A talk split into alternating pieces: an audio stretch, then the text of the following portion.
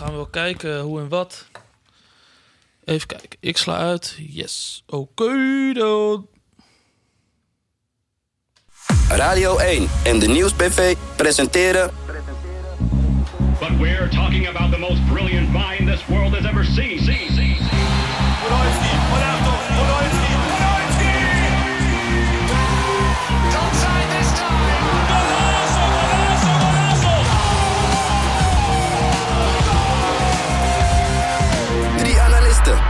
tafel, praten over voetbal. Dit is Panenka met Wouter Bouwman. Ja, welkom bij eh, Panenka, de voetbalpodcast van Radio 1. Hier hoor je elke week de analisten van de toekomst over heel veel internationaal voetbal en over alles dat verder bij de voetbalwereld hoort. En ik moet zeggen, het was ook deze week wel weer het weekje hoor.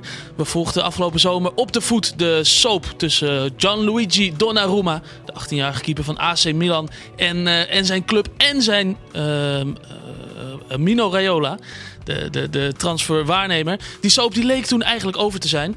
Uh, met een jaarsalaris van 6 miljoen euro en de broer van Donnarumma. Die kreeg ook een plekje in de selectie, maar niets bleek minder waar.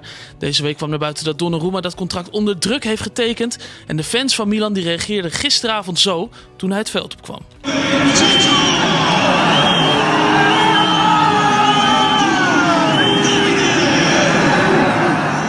Ja, nogal uitgefloten dus. Wie niet worden uitgefloten, dat zijn de spelers van Manchester City. Die hebben inmiddels 15 competitiewedstrijden achter elkaar gewonnen in de sterkste competitie van de wereld. En zo reageerden twee presentatoren gisteren tijdens de 4-0 overwinning op Swansea. And there is applause from the Swansea City fans around us here. It's, it's just poetry in motion when you watch them. Tranen in hun ogen. Ja, tranen in hun ogen hebben ze ook bij Manchester United. Want eh, ook al wonnen ze woensdagavond nog van Bournemouth. Ze verloren de derby tegen City kansloos. En daar reageerde deze eh, Manchester United fan op Fan TV zo op. We're not fucking Stoke. We're Man fucking United. Lukaku, what the fuck was he doing? Martial is playing against a fucking centre midfielder in Del. Take the fucking cunt on. Take him on and fucking do it. Ja, en tot slot nog even het bericht van een eh, speler die de gevoelige overgang maakte van City naar United. Ik heb het over Kevin Brands. Die vertrekt namelijk van Almere City naar Bali United. En dat is een heel tof project daar, voetballen. Eh, in Indonesië inmiddels vier Nederlandse spelers op Bali. En vorig seizoen werden ze tweede. Panenka, Hoog tijd om je voor te stellen aan mijn eh, gasten van vandaag. Camille van Hout, leuk dat je er bent. Sportredacteur van uh, BNNVARA en Radio 1. Welkom. Ehm, je hebt een sterke band met Borussia Mönchengladbach. Mönchengladbach, ja, zeker. Waarom dat? Nou ja, ik denk, als je uit het oosten komt, dan heb je vanzelf al iets met die Duitse competitie. Dat leeft daar, eh, dat leeft bij ons echt. En eh, ja, daar kies je een club uit. En ik ging vroeger altijd, eh, of ging vroeger vaak naar die wedstrijden kijken van, uh, van Mönchengladbach. Ik kom vanuit vroeger al heel vaak in het stadion. En ja, Borussia Mönchengladbach is gewoon de mooiste club van Duitsland. Maar Is het, is het zo'n traditionsverein? Weet je, als een mooi. Duits woord? Ja? Het is een traditionsverein. Het is eh, echt een oude topclub uit Duitsland. Het is de club die in het verleden eigenlijk eh, de enige club was die Bayern München ooit kon stoppen. En eh, nou, ze zijn een tijdje eigenlijk afgezakt en ze zijn nu weer, zitten nu weer in de lift. Nog de Champions League gehaald een paar jaar geleden. Nog dit jaar natuurlijk ook nog gespeeld. En ja, je ziet gewoon, het is gewoon, het is echt de mooiste club van Duitsland. Je wordt er wel blij van. Wie is de beste speler daar dan op dit moment? nou, je hebt, we hebben een aantal goede spelers. Ik vind Vestergaard een hele goede speler, een verdediger. Maar de, ik denk de, de man is toch wel Hazard voor mij in ieder geval. Ja, niet Eden, hè? Nee, Torgen. Torgan, zijn, Tor, zijn broertje? Zijn broertje, zeker. Ja, ja, nou, leuk om, leuk om te blijven volgen. Camille, je bent eh, niet de enige gast. Frank van der Meijden, commentator van onder andere de League 1 bij Perform Group. Eh, Frank, ik hoorde je laatst voorbij komen. En eh, nou, dat klonk zo. En vijf minuten in rust zien we de Zuid-Koreaan weer. Hij gaat er 2-0 van maken. Vijfde doelpunt dit seizoen alweer voor de spits van Troyes. Die in de Ligue 1 op zijn plek lijkt na omzwervingen. In onder andere Turkije, Portugal en Hongarije. Heb jij een idee over wie dit gaat, eh, Camille? Ik zou het niet weten. ik sta even te denken. Hee Yoon Soek. Ja, die Soek die eh, bij Ajax heeft gespeeld en Oh. bij Groningen, Ja, toch? ja, was een eh, publiekslieveling in eh, Amsterdam. Ja, is hij dat ook bij Troyes? Zeker, zeker, zeker. Hij laat zich wekelijk van zijn beste kant zien. Hij heeft er al vijf in liggen en Ah. lijkt op zijn plek daar. Ja, ja, en dus twee keer tegen Monaco, hè? Klopt, klopt. ja. Maar was niet genoeg voor de overwinning, voor een stunt. Want uiteindelijk eh, haalde Monaco ze in en werd het 3-2. Ja, toch nog. Ehm, ehm, denk je dat hij blijft bij Troyes? Of, Hij heeft een contract voor twee jaar getekend. Ik zou niet weten waarom hij Nee. weg zou moeten. Hij, hij heeft eindelijk misschien wel zijn plek gevonden. na Ja. vele omzwervingen. Dus eh, in, in de middenmoot eh, van de... Alhoewel, ja, in de middenmoot van de Ligue 1 lijkt hij op zijn plek. ja, heel goed. Ja, de, de Ligue 1, daar gaan we het over hebben. Panenka. Want we hadden het net al even over die Koreaan Soek in Frankrijk. Maar daar gebeurt nog veel meer. Paris Saint-Germain staat bijna, op bijna de helft van de competitie al zeven punten voor. Op Lyon, Marseille en Monaco. Die clubs staan eh, allemaal gelijk. Ehm, Frank, hoe spannend is dit nog? Een competitie met één zo'n grootmacht. Ehm, ook al is het zeven punten. Ik denk dat Paris Saint-Germain heeft het moeilijkste verloren onlangs nog eh, van Strasbourg. En ze hebben kans dat ze in dat soort wedstrijden wel meer punten gaan liggen. Want er wordt veel gerouleerd voorin. Eh, ook met het oog op de Champions League natuurlijk. Ik zie Lyon en Marseille en ook eh nou, Monaco wat minder, maar vooral Lyon en Marseille worden steeds beter. Dus ik verwacht een, wel een, een degelijke eindsprint van die twee genoemden. Dan kan Paris Saint-Germain het nog zeker lastig krijgen, ook als ze ver gaan komen in die Champions League. Ja, dat is het gevaar dus. Dat is zeker het gevaar, ja. Maar ehm, als zij dan wisselen, ze moeten dus roleren, dan hebben ze alsnog een, een Ja, geweldig Di team. Maria, een Pastore die erin komen. Draxler, Ja. Neymar natuurlijk, Cavani die er alweer 17 heeft in liggen. Het is ongelooflijk, maar ehm, laatst, ja, blessures kunnen ook nog een eh parten gaan spelen. Vooral achterin eh, is het niet zo sterk. De be- bezetting achterin is wat minder sterk dan voorin. Dus dan zie je dat wat jongere spelers eh, erin worden gezet.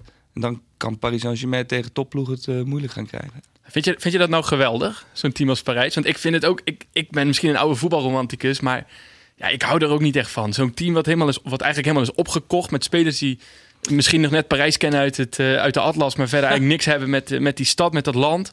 Nee, klopt. Ik ben ook geen fan van het grote geld en hoe, hoeveel daarin wordt gepompt. En eh Kylian Mbappé natuurlijk ook nog gehaald. Het is on- ongelooflijk.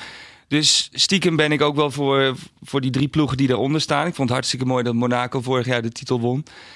Maar zo'n volksclub als Marseille, waar het elke week in dat stade Velodroom helemaal losgaat, dat is eigenlijk veel mooier. En maar dat opboksen tegen dat, dat arrogante Parijs, die strijd, dat, dat zorgt ook wel voor, voor mooie duels. Zeker die, ja, die onderlinge strijd tussen die, laten we even die, die top 4 noemen in Frankrijk. Mm. Dat, dat zijn hele interessante wedstrijden. En stiekem hoop ik altijd dan dat eh, Parijs eh, aan het kortste eind trekt. Nou, misschien ook juist omdat die, de, die cultuur van die club zo verschilt. Dat dat het misschien ook juist extra mooi maakt. Dat dat ook de charme, dat vind ik in ieder geval de charme van die competitie. Je bedoelt een, een rijke club, een volksclub. Ja, exact. Het zijn, Die vier clubs zijn echt de vier hele verschillende clubs. En ook, denk ik, ook in voetbalstijl eh, behoorlijk verschillen. Ja, en het is een beetje de, de vloek van de hoofdstad. Hè? Als je kijkt naar Amsterdam, Ja. als je kijkt naar Madrid. eh, wordt toch eh, vaak met argwaan gekeken tegen die clubs uit hoofdsteden. Dat is mooi, vind ik leuk. Second City Syndrome, hè, noemen ze dat. Ook dat, ja. Dat de tweede, de tweede stad altijd eh, naar de eerste moet opkijken en er altijd een beetje beledigd over is. Eh, Camille, we hebben het over de Franse competitie. Eh, Frank zei al dat Paris verloor van Straatsburg. Ehm, dat vond jij wel leuk dus? Ja, nou, ik hou van dat soort verhalen. Ik hou van die verhalen van clubs. Je moet weten, Strasbourg is een club die komen uit, eh, ik geloof, de vijfde klasse. En zijn een paar jaar opgestoomd naar, eh, nou nu naar de, naar de League 1. En ik vind het geweldig om te zien dat dan juist zo'n club... eh, ja, het zelfs Parijs moeilijk kan maken. En dan, dan, dat, dat geeft me echt weer een beetje hoop in het voetbal, zeg maar. En dat is eigenlijk wat ik net zei. Dat is, ik vind echt zo'n zo'n club als Parijs, dat, dat, dat, dat irriteert me op een bepaalde manier echt mateloos. En, en nou dit, zijn, dit is voor mij zo'n club als Strasbourg. En zeker met zo'n verhaal. dat- Waar zaten jongens bij die nog in de vijfde klasse speelden. Die met die club zijn meegegroeid. Een beetje de Robin Hood van het voetbal van Frankrijk. Ja, ik, ik vind dat fantastisch. Nee, dat zijn zeker de mooie verhalen. Ja. Je hebt ook nog eh, Amiens. Een club eh, die is eh, binnen twee jaar gepromoveerd. Had nog nooit in de League 1 gespeeld. En draait nu ook hartstikke goed mee in de middenmoot. Het is leuk om te zien dat, dat er ook nog kans is voor dat soort kleine teams. Om zich te vestigen in de hoogste divisies. Ja, ja, wie staan er eigenlijk onderaan in de Ligue 1? Nou, onderaan, wat opvallend is, is dat Lille heel laag staat. De ploeg van Anwar El Ghazi. Mooi bruggetje. Mooi. Daar wilde ik zo over verder gaan. Heel goed. Dat is zeer opvallend. En ook het Nice van Wesley Sneijder draait eh, niet goed. Eh, volgens mij staat Metz stijf onderaan met zes punten Hm. eh, uit mijn hoofd. Maar Lille eh, moet de trainer ontslagen. en moet, moet snel punten gaan pakken wil El Ghazi niet straks in de league Ja, want hoe, hoe, doet hij het eigenlijk? Ik zie wel eens een doelpunt voorbij komen volgens mij. Hij had een hele goede start. En is ook zeer dreigend. Maar het, het, het, er zat geen cohesie in het team. het is, het is eh, daar. Dus de individuele klasse is er wel bij Lille. Want Mhm. vorig jaar werden ze nog eh, van, ik geloof, achtste of negende. Maar het, het wil, wil dit jaar niet lukken. Trainer ontslagen. Ze zijn nog steeds op zoek... of nee, er is net een nieuwe trainer aangesteld. Dus ehm, laten we hopen dat eh Lille de weg omhoog gaat eh, Ja, vinden. voor El Ghazi in ieder geval. Wilde, ik hoorde net Mets. Wilde jij niet altijd nog een keer naar eh Mets toe? Ja, dat is wel grappig. Ik, ik, ik- toen, toen ik hoorde dat we het vandaag over Frankrijk gingen hebben, moest ik denken aan, eh, aan vroeger. Toen ik als ik met mijn ouders in de auto zat naar, eh, naar Frankrijk, dan eh, kom je over de snelweg en dan kom je naar, langs de stadions van Metz en van Nancy. En dat is daar natuurlijk een, eh, een enorme derby. En ik heb vorig jaar geprobeerd om kaarten te krijgen voor, eh, voor die derby. Volgens mij werd het denk ik 4-1 voor, voor Nancy. Is niet gelukt. Maar dan kijk je die beelden. en Dat, is, dat, is- dat, zijn ook, dat zijn zo mooie wedstrijden van die derbies. En ja, dit is volgens mij een van de allerheftigste derbies van, van Europa.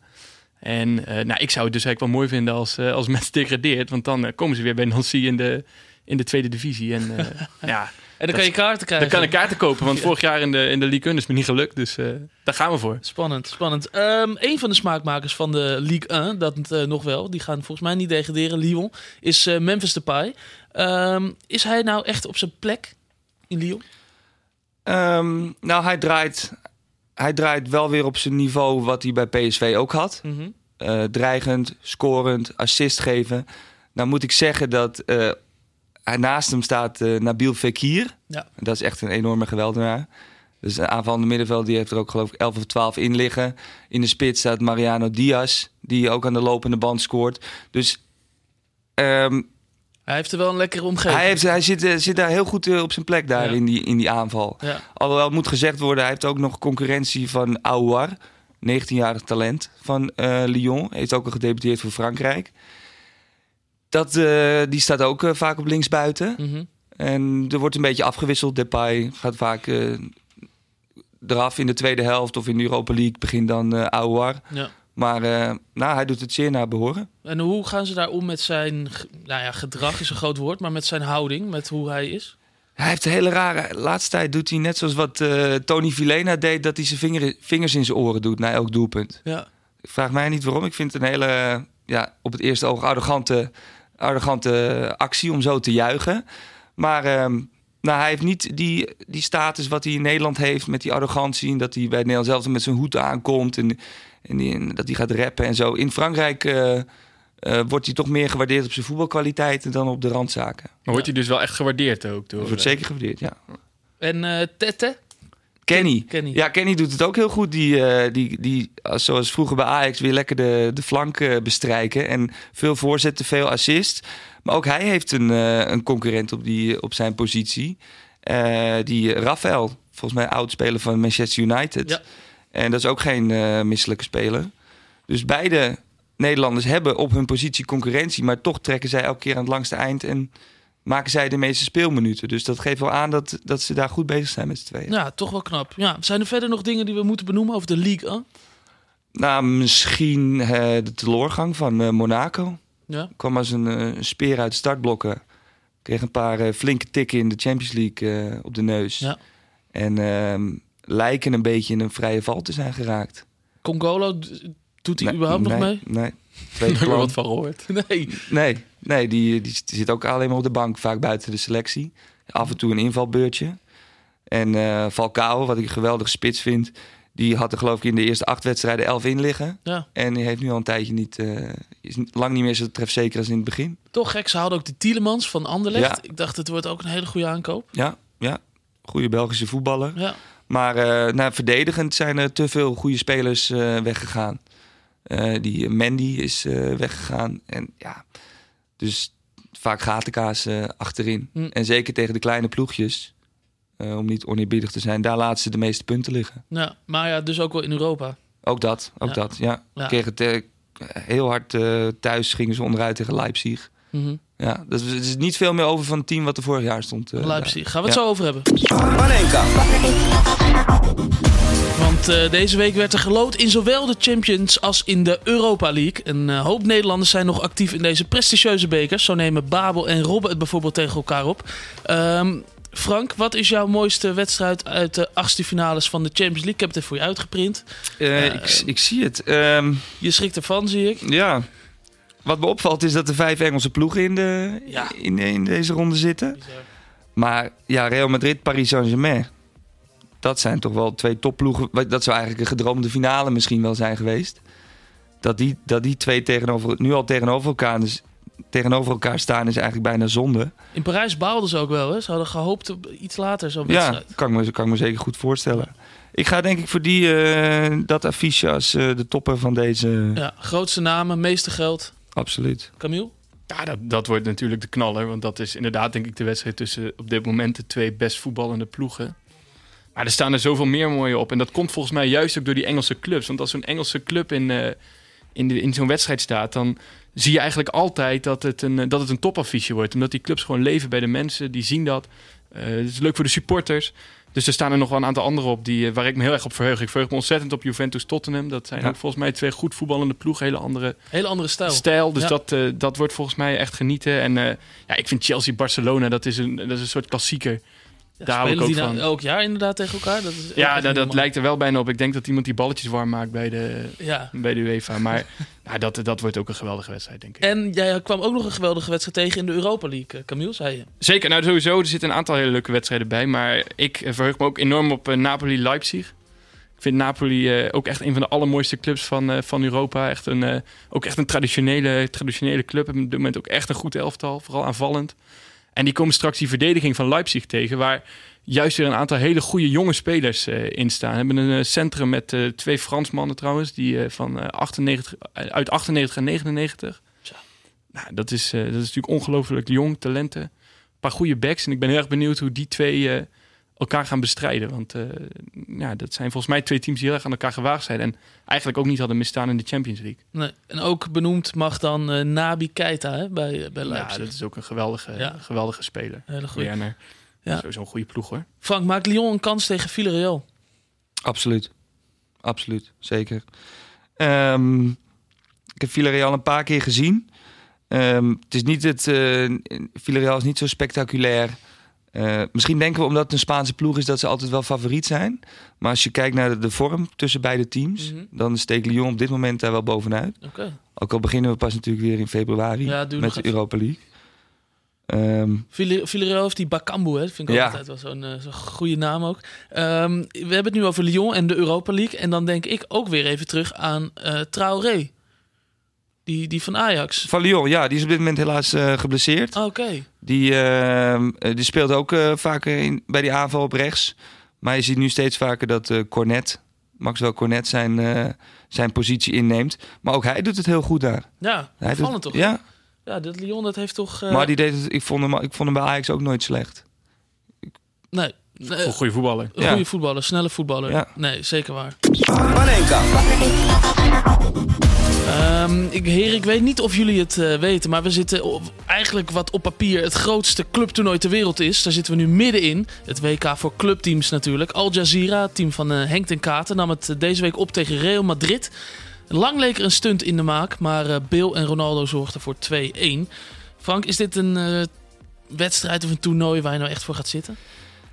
Ik persoonlijk niet. En ik, ik vraag me ook af in hoeverre die voetballers er zoveel zin in hebben. Ja, Maar eh, ja, het is een prijs en die wil je natuurlijk wel winnen. ja lekker in de 100 graden zijn ze aan het voetballen. Ja, ja. ja. ja Camille, is- dat, is- dat team van Ten Kate, dat was zo slecht gewoon. Ik weet niet of je het gezien hebt. ik heb het gezien. Nou, ik, ik, ik was echt verbaasd. Ik, ik zag dat het 1-0 stond. Ik dacht, ik ga eens even kijken, want Ja. dit, dit kan nog wel interessant worden. Maar het, dat sloeg echt... Ja, jij hebt het ook gezien. Dat sloeg toch echt helemaal nergens op? Nee, ja, er waren een paar spitsen die konden niet zo goed rennen meer. Ongelooflijk. En, eh, maar wel eh Boussoufa en Bark Boussoufa, die, eh, die heeft nog... Ja, maar het speelde als los zand. Het was net alsof... De, de, de- ik heb geprobeerd om tactiek te kunnen ontwaren in dat, in dat elftal. Want Ja, dat houdt ik was eigenlijk van tevoren heel benieuwd van... Ja, hoe, hoe ga je zo'n club als Real Madrid bespelen... als je eigenlijk helemaal niet gewend bent om tegen grote Europese clubs te spelen. En Ja, Nou, dat, dat, het, nou ja, dit stond nog heel lang eh, dat, dat ze eigenlijk nog kans hadden. Maar ik, ik, ik vond hun wel echt, echt slecht. Ja, ze hadden een goede keeper, die hield veel, veel Dat was, eh, ja, Ja, ja. maar eh, zo, ja, zo'n club als Real Madrid, die, die moeten daar dan naartoe. Die, ze moeten hem spelen. Is dit iets waar, waar je denk je voor, je voor je plezier naartoe gaat als, als speler van Real Madrid? Of is het gewoon eigenlijk irritant dat je die... Want er zijn wedstrijden die moeten ze nu weer gaan inhalen. Van de Ja, ik denk je wil hem winnen. Hè? Je wil gewoon wereldkampioen worden. Dus ik kan me goed voorstellen dat je het wel serieus neemt als club. En dat je, dat je daar ook wil staan. En ik neem aan dat er ook nog wel het aantal, eh, behoorlijk aantal euro's tegenaan eh, wordt gesmeten. Ja. Maar kijk, de enige wedstrijd eigenlijk die enigszins interessant is, is de finale waarbij de, de winnaar in Europa de winnaar in, eh, in Amerika ontmoet. Ja, want je weet op voorhand al eigenlijk dat de kampioen van Europa en de kampioen van Zuid-Amerika tegen elkaar gaan strijden in die finale. En zo niet wordt de finale een flutwedstrijd. Ook dat nog. Nou, eh, zon, of zaterdag 6 uur neemt eh, Real Madrid de winnaar van Europa het op tegen Gremio, de winnaar van Zuid-Amerika, eh, eh, Brazilië natuurlijk. En eh, zij schakelde het Mexicaanse Pachuca uit in de verlenging van de halve finale. Even kort nog wat andere dingen. Hoe kijken jullie naar Mourinho? Het schijnt eh, dat hij na de Manchester Derby de kleedkamer van City in geweest is om ja, eigenlijk verhaal te halen. City was te erg feest aan het vieren. Hij kreeg nog eh, ruzie met Ederson, ook een, eh, een Brazilië of een Portugees Ja. sprekende speler van. Ik hoorde dat hij melk over Mourinho heen had gegooid. Oh ja. Ja, dat, En met melk en flesjes werden gegooid. En Arteta had geloof ik een wond, eh, wond op zijn wenkbrauw, zijn ja. wenkbrauw. dat verwacht je toch meer op... eh, ik vind melk ook zo'n... eh dat verwacht je bij kleuterschool. Eh, geen pakje zal het zijn geweest. Nee, ja, gewoon- nou goed. Maar wa- wat ik, wat ik zo kwalijk vind is... eh Mourinho, die, eh, na, na verluid is hij naar binnen gegaan om respect te vragen... Ja. bij de City, eh, bij City-spelers. Maar ik heb nog op mijn netvlies dat Mourinho in 2010... dat hij bij Inter Milan won van Barcelona, van Guardiola... En als een bezetene over dat veld ging rennen in die halve finale... om, om te vieren dat ze door waren. Dus ja, eh, het moet, bij hem is het, eh, moet je het altijd met een korreltje zout nemen. Maar ik vind het, ik vind het een zwakke actie van eh Mourinho. Ja, ja, het is een apart mannetje. Hij zei trouwens ook eh, van de week dat de kansen voor Manchester United op de titel eigenlijk wel verkeken zijn. No, I didn't say that. Something like that, no? No, no. I said that we play match after match, one match at a time. I think it's over in May. If it's over, I go holidays tomorrow, but I go to Brazil or to Los Angeles. Oh, nou, nu zegt hij dus weer heel wat anders. Hij zegt de ene keer dat het helemaal klaar is. Nu zegt hij weer, eh, het is in, in mei pas over. Anders was ik nu wel naar eh, eh, eh, vakantie geweest, Los Angeles of eh, Rio de Janeiro. Ja, toch een aparte man. Vind je dat nou mooi, zo iemand in de voetballerij, Camille? Of... Nou, wat ik lastig vind is, als je, het, als je spelers leest hè, die met hem gewerkt hebben, die zeggen bijna unaniem, hij is de allerbeste coach waarmee ik ooit gewerkt heb. En ik denk, ja, als dat zo is, wie ben ik dan om op basis van die maniertjes in de pers te zeggen dat het een, eh, dat het een lul is, zeg maar. Dus ja, ik vind, dat, ik vind dat moeilijk te beoordelen. Omdat, eh, kijk, voor hetzelfde dat zij op, de training, op het trainingsveld is hij blijkbaar toch heel erg goed. Want anders zouden die grote spelers niet zeggen dat ze, Ja, dat en, ze en zo de met hem zijn. resultaten spreken voor zich. En de resultaten zijn natuurlijk ook goed. Dus eh, hij moet ergens toch een soort voetballend inzicht en ook coachend inzicht hebben. Die wij dan misschien op televisie niet altijd zien. Wat hem toch een ontzettend goede coach maakt.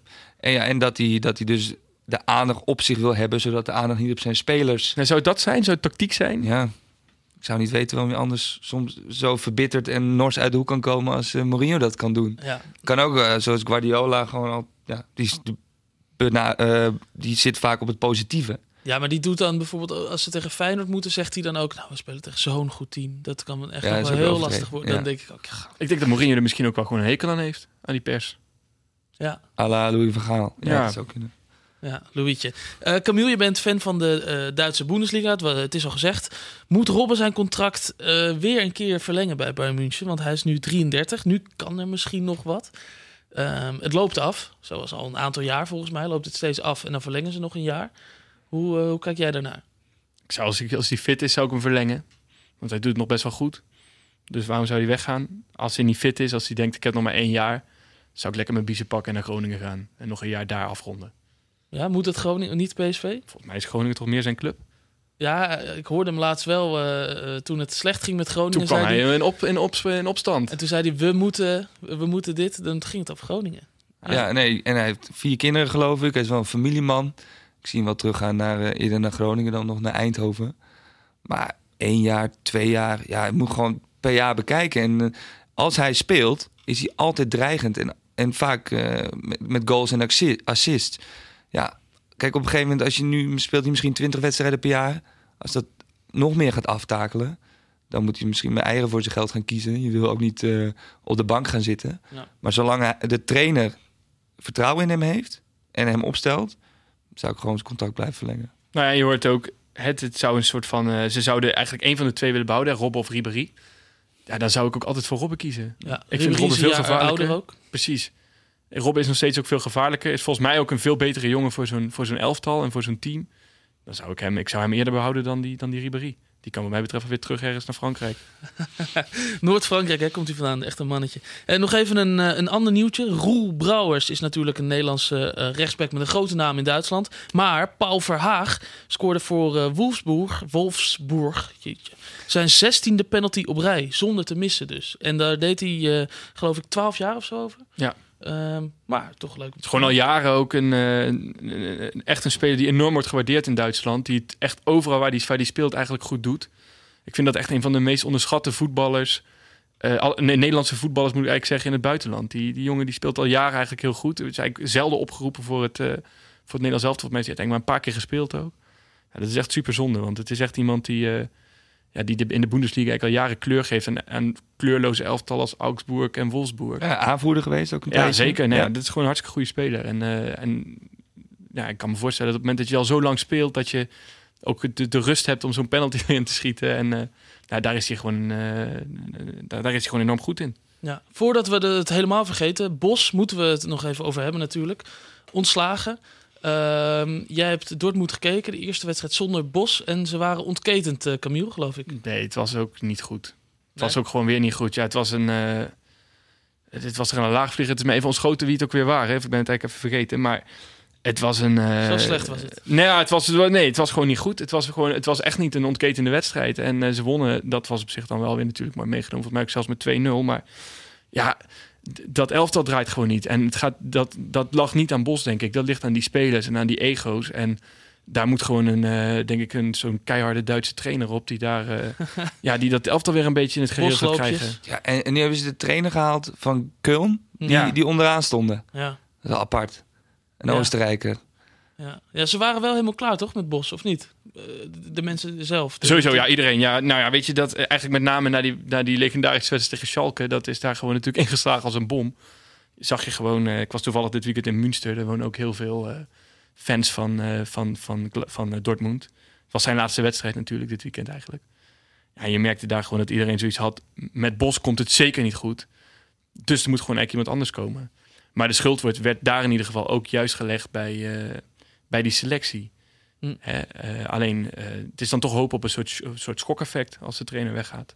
En Ja. daarom denk ik ook dat het wel een goede beslissing is om Bos daar weg te halen. Want dit was op deze manier denk ik nooit meer goed gekomen. Ja, en een Bos' systeem, die, dat heeft gewoon tijd nodig. Precies. En bij Dortmund krijg je geen tijd. En daar is elke wedstrijd... eh, moet je 110% ervoor gaan. En bij Ajax, om eerlijk te zijn, dan kom je wel eens een keer een, een eh, Excelsior of een Zeker. Rode JC tegen. Maar in Duitsland, daar zijn het allemaal... Nou, niet, ik wil niet zeggen topwedstrijden, maar het niveau van, van, van de middenmoot is daar hoger dan in Nederland. Ja, dus Nou, Bos ja. gaat nooit een, een topclub trainen, want dat krijg je nergens tijd. Nee, maar ik vind ook, je ziet, er zijn ook echt wel wedstrijden dit jaar geweest dat Dortmund wel aan het voetballen sloeg. Bijvoorbeeld tegen Mönchengladbach, toen vonden ze met 6-1. Nou, dat, dat toen, dan zie je dus dat dat systeem echt wel kan werken bij Dortmund. Alleen, eh, ja, dat, dat moet wel goed uitpakken. En je ziet gewoon, vind ik, je hebt tot nu toe eigenlijk te vaak gezien dat, eh, ja, dat, dat ik heb het gevoel dat het ook een ding met inzet is. Dat de spelers er niet 100% voor gaan. Ja, en dan, dan kan je als trainer doen wat je wil, maar het is gewoon vechten tegen de bierkaai. Ja, dan is het klaar. Panenka. In onze schitterende rubriek Het Huzarenstukje hoor je wekelijks een eh, prominent uit de voetbalwereld over zijn of haar mooiste voetbalmoment waar ze zelf live bij waren. Ja, en deze week niemand minder dan bekendste twitterende scheidsrechter Mario van den Ende. Hij floot meer dan 600 wedstrijden in het eh, Nederlands betaalde voetbal. Mario, fijn dat je even aan de telefoon kon komen. Hallo, goedemiddag. Hallo. Go- Goedemiddag. Wat was het mooiste voetbalmoment waar je zelf bij was? Ja, toen jullie belden, toen heb ik natuurlijk even een tijdje na zitten denken. Eh van ja, wat, eh, ik- ja, jij net zelf ook, heb 600 wedstrijden in het eh betaald voetbal in Nederland gefloten. En daar ook nog eens eh, een stuk of 160 in het buitenland. Ja, die was ik nog vergeten zelfs. Ja, nou ja, goed. Dat, vergeet je de bekerwedstrijden en vriendschappelijke wedstrijden misschien ook nog eventjes. Maar goed, eh, ja, ik, ik, ik kom toch tot twee momenten. Dus ik weet niet of dat in jullie uitzending past. Ach joh, dat, dat kan allemaal. Oké, nou dat kan allemaal. Ja, kijk, het, het meest eh, bizarre moment dat ik heb meegemaakt, dat was ook nog een keer op 1 april, 1 april 1998. Toen eh, was ik aangesteld bij de eerste halve finale van de Champions League tussen, tussen Real Madrid en eh, Borussia Dortmund. In een uitverkochte Bernabeu. Eh, die wedstrijd werd toen nog eh, in 32 landen live uitgezonden. En eh, wij liepen het veld op. eh, de, de- ja, de arbitrage, het arbitrale team. Dat bestond ook nog uit eh eh, Berend Talens, de grensrechter. En ik had toen ook, eh, omdat ik moest oefenen met een eh, Belgische grensrechter voor het WK in 98. Met een Belgische, een Belgische grensrechter het veld op. Ook dat nog? Eh, nou ja, nee, dat, eh, de aanvoerders, we gingen tossen, de hymne was net gespeeld. En ja, wij hoorden ineens een enorme knal. En toen zei de grensrechter, uh, Berend Talens, zei tegen mij van... eh, mama, mama, mama, een beetje nerveus, Mario, kijk nou eens, het doel valt om. En toen, toen bleek dus dat eh, er te veel toeschouwers waren toegelaten achter het doel. Mhm. eh, in die zogenaamde koer, eh, gevaarlijke koerven van, ja, van de supporterskern van Real Madrid. En die waren ook in de hekken geklommen. En onder dat gewicht, ja, het doel was aan, aan dat hek bevestigd.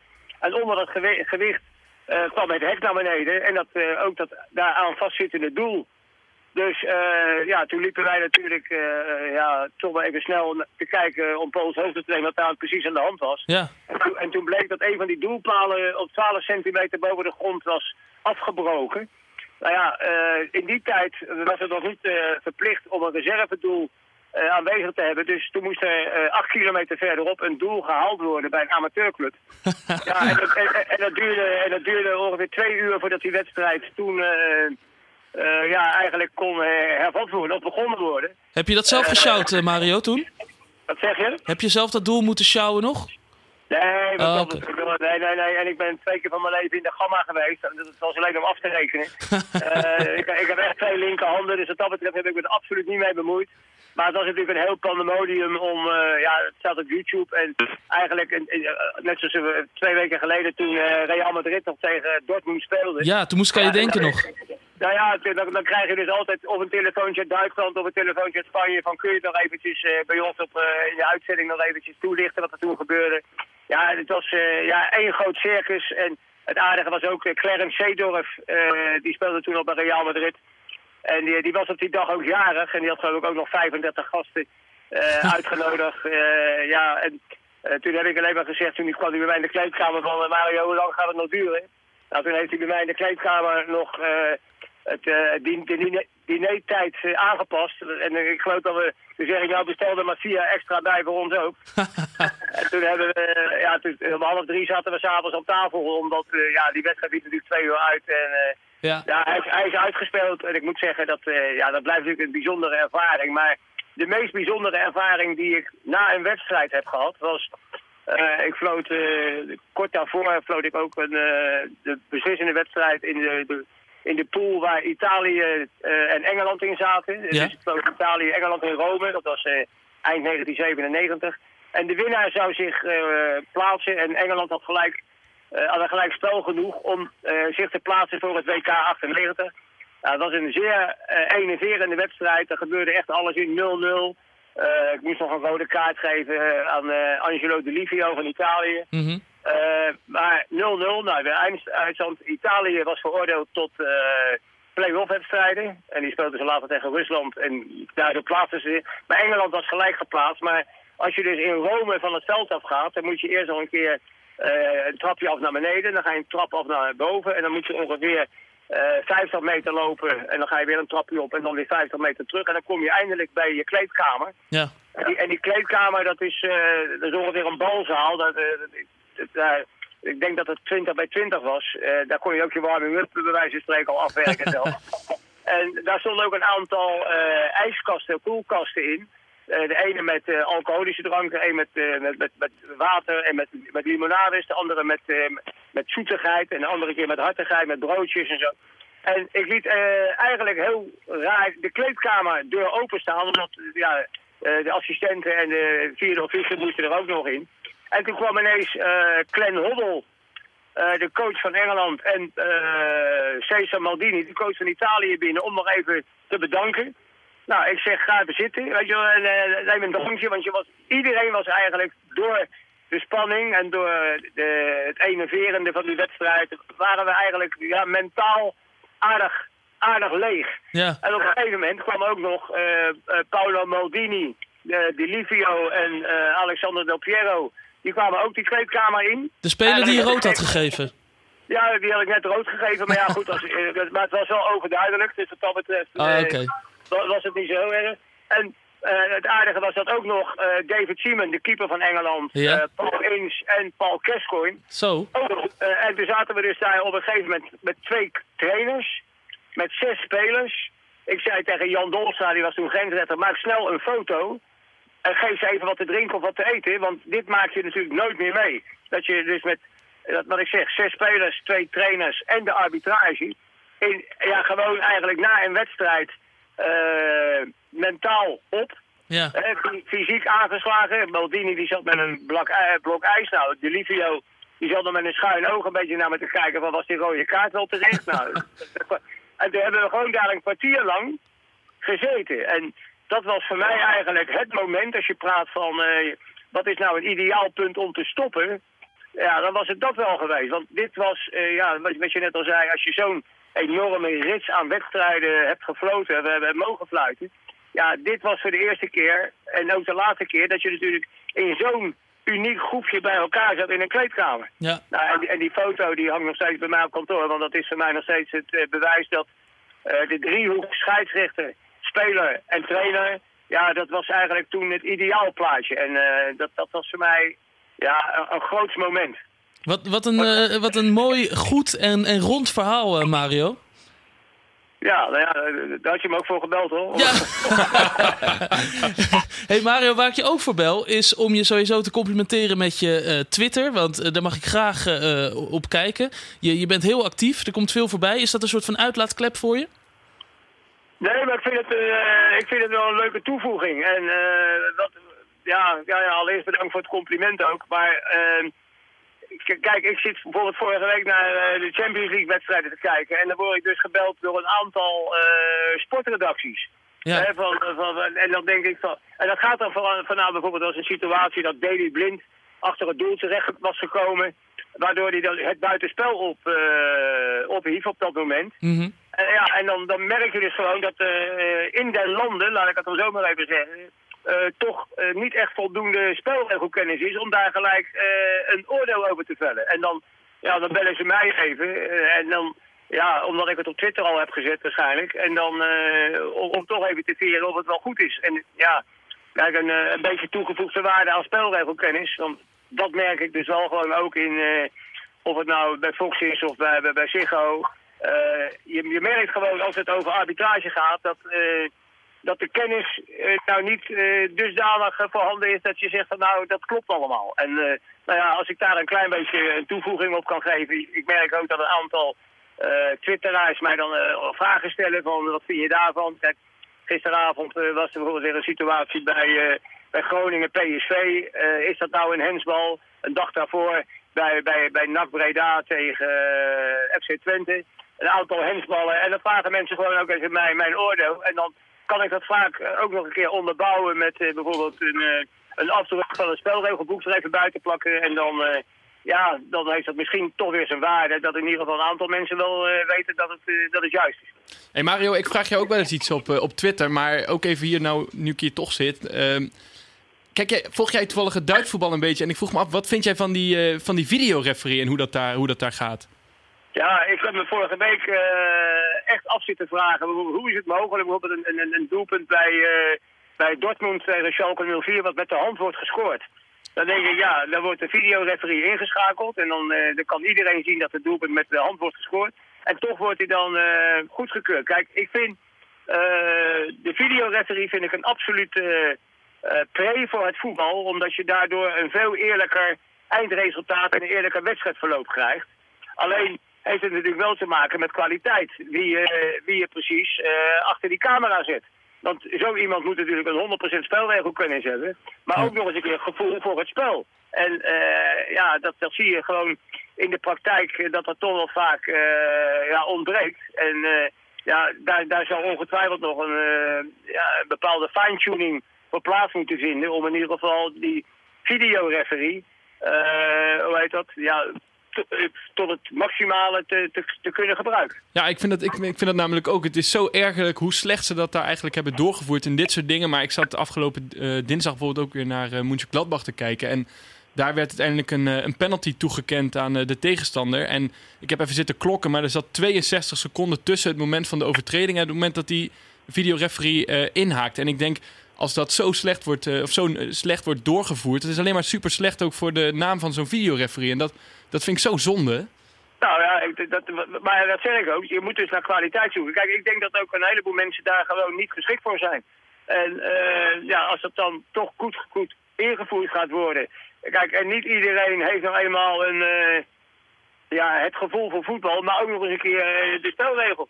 Kijk, en, en dat, dat, dat merk je ook vaak met, met commentatoren. Kijk, eh, hij gaat makkelijk liggen. Hij krijgt een duw, maar hij gaat makkelijk liggen. Of hij gaat makkelijk naar de grond. Ja, dat vind ik allemaal van dat soort open deuren. Eh, kijk, als je daar ook nog eens een keer als... eh, en dan heb je het over een commentator, maar als je dat ook nog eens een keer als scheidsrechter gaat denken... van hij gaat makkelijk naar de grond. Kijk, ik zie gisteren de situatie bij, eh, bij ADO tegen, tegen Rode JC. En dan wordt er een eh, overtreding gemaakt binnen het strafschopgebied van ADO. Nou ja, goed, ik... eh, kom zelf uit Den Haag. eh, eh, en dan zeggen ze tegen mij, ja, je bent tegen ADO. Ik dat ben ik helemaal niet. Want hoe kan je nou tegen, je, hoe kan je tegen de club zijn waar je, waar je geboren bent en waar je opgegroeid bent? Ja, dat kan niet. Het was gewoon, het was gewoon een overtreding. Nou, en, eh, maar dan, moet- dan moet je dus niet nog eens een keer een, een, een, een, commentator ook horen. Ja, hij gaat makkelijk liggen of de bal was zelf weg, weet je wel? Ja. Ja, dat, dat is hetzelfde wat je van de week met, met Veldman en met Luc de Jong ook zegt. Die, die, die Luc de Jong die, eh, die heeft geloof ik last van een hernia door, die duw. En dan, dan, dan, ga je, dan moet je er geen dingen bij gaan halen van hij houdt in of hij valt makkelijk. Nee, je moet gewoon kijken, is het een overtreding ja of nee? Ja, Mario, je bent nog helemaal op de hoogte, dat merk ik al. Eh, mag ik je danken dat je ons eh, jouw mooiste voetbalverhaal wilde vertellen? Ja, graag gedaan. En nou ja, goed, ook... ik, ben, ik ben blij dat ik nog steeds op de hoogte ben, maar dat betekent ook dat, dat ik nog niet onder het stof zit. Nee, precies, dat is wel duidelijk. Hey, Mario, dankjewel hè. Oké, succes met jullie programma. Dankjewel. Vergeet ons vooral niet op Facebook te volgen. Makkelijk te vinden als je zoekt op Panenka Podcast. Waarom zou je dat doen? Nou, daar vind je onze wekelijkse huiskamer Toto en jij kunt meedoen. En de winnaar die mag een uitzending komen meepraten aan de Panenka tafel. Volgende week is dat bijvoorbeeld Arjan de Beun. Hij was de grote winnaar van vorige week. En hij heeft dus volgende week gewoon een plekje aan deze tafel. Nou, nu is de beurt aan onze kundige analisten in de studio. We beginnen met eh, Manchester City Tottenham Hotspur. Wordt eh, zaterdag om half zeven gespeeld. City kan de lijst overwinningen doorzetten. En dit is misschien wel de laatste kans voor Spurs om het spannend te maken. City, Spurs, Camille. 3-1 City. Zo, Ik wou ook 3 zeggen, maar dan ga ik voor 2-0. 2-0. Twee- In ieder geval City met twee doelpunten verschil. De tweede wedstrijd Club Brugge Anderlecht. Een keer een Belgisch potje, leek me wel leuk. Wordt zaterdag om half drie gespeeld. Bij Brugge natuurlijk Denswil, Klaasie en Ruudje Vormer. Frank. 1-1. 1-1. Club Anderlecht, Camille. Ik doe 3-1 speciaal voor al die Nederlanders. Zo, drie Nederlanders, drie eh, goals. En eh, Olympique Lyon-Marseille, de kraker, die wordt zondag om 9 uur gespeeld. Mooi Frans tijdstip. Een mooie kraker voor TT en Memphis Depay. Frank, nu moet ik wel bij jou beginnen natuurlijk. Ik zeg 2-0 voor Lyon. Dat dacht ik ook aan, maar dan ga ik voor 3-0. Zo, het zijn dikke overwinningen in ieder geval. Eh, de thuisclubs gaan het eh, goed doen. Vanaf vrijdag kun jij als luisteraar ook je voorspelling doen. Camille van Hout en Frank van der Meijden, eeuwige dank voor jullie komst. Volgende week zijn we er weer. Blijf ons tot die tijd volgen op Facebook en